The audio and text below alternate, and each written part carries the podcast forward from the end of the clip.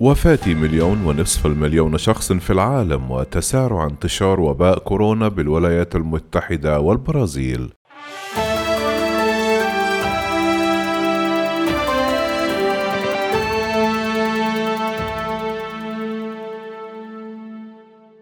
تخطى الجمعة عدد الوفيات بفيروس كورونا في العالم عتبة المليون ونصف المليون شخص فيما بلغ عدد المصابين أكثر من 65 مليون شخص.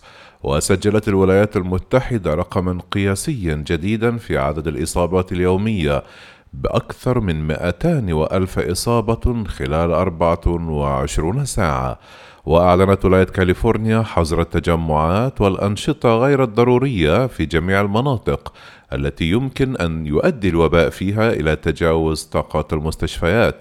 أما في البرازيل التي يتصارع فيها انتشار الوباء فقد أوصت لجنة علمية بإغلاق المدارس ومنع ارتياد الشواطئ في ريو دي جانيرو. وصل الجمعة عدد من أودى فيروس كورونا بحياتهم إلى أكثر من مليون ونصف المليون شخص حول العالم.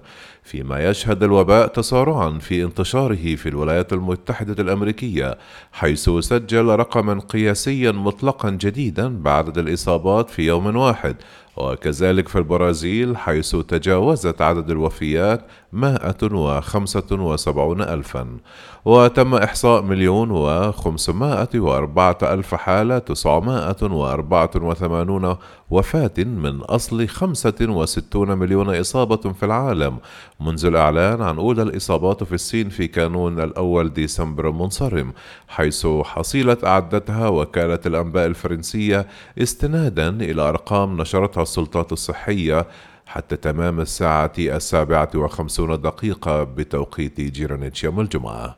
ومنذ الرابع والعشرون من تشرين الثاني نوفمبر تم تسجيل أكثر من عشرة ألاف وفاة في العالم يوميا في المعدل في مستوى غير مسبوق لكن أعلن عن حملات تلقيح وشيكة على ما يبدو في عدد من الدول. في الولايات المتحدة الأمريكية التي تدفع الثمن الأكبر للوباء بوفاة 276 ألف شخص سجلت الخميس أكثر من 210 ألف إصابة في يوم واحد وهو يعد رقما قياسي منذ بداية الوباء وذلك بحسب جامعة جونز هوبكنز المرجعية.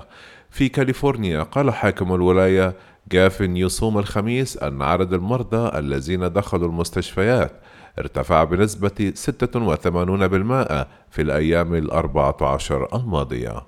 وأعلن أنه سيتم حظر التجمعات والأنشطة غير الضرورية في جميع المناطق التي يمكن أن, تؤدي أن يؤدي الوباء فيها إلى تجاوز طاقة المستشفيات.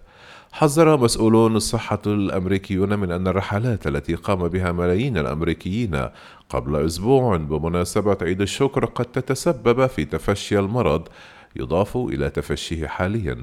كما قال عالم المناعة الذي يحظى باحترام كبير الطبيب أنتوني فاوتشي ودعا فاوتشي الذي كان هدفا لهجمات عنيفة من قبل الرئيس المنتهي ولايته دونالد ترامب ليكون جزءا من فريق الرئيس المنتخب جو بايدن لمكافحة كوفيد 19 وفي الأرقام المتعلقة بالوفيات تخطت الحصيلة في المملكة المتحدة أكثر دولة متضررة في أوروبا عتبة الستون ألف.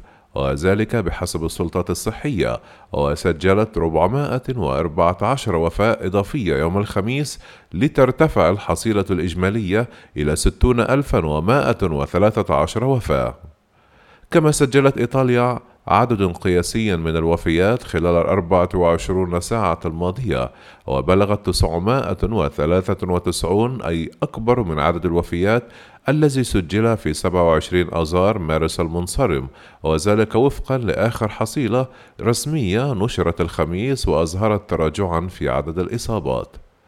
أما عن الحكومة البريطانية فقد أعلنت أنها ستبدأ بإعطاء اللقاح ضد فيروس كورونا في الأسبوع المقبل للمقيمين في دور المسنين والعاملين فيها وكانت أصبحت الأربعاء أول بلد يوافق على استخدام اللقاح الذي طورته شركة فايزر وبايونتك ضد كوفيد 19 قدمت فايزر بايونتك ومنذ الاثنين موديرنا طلبي ترخيص إلى الوكالة الأمريكية للأدوية وفي حال الحصول على ضوء أخضر يمكن أن يتوفر اللقاحان بنهاية العام الجاري.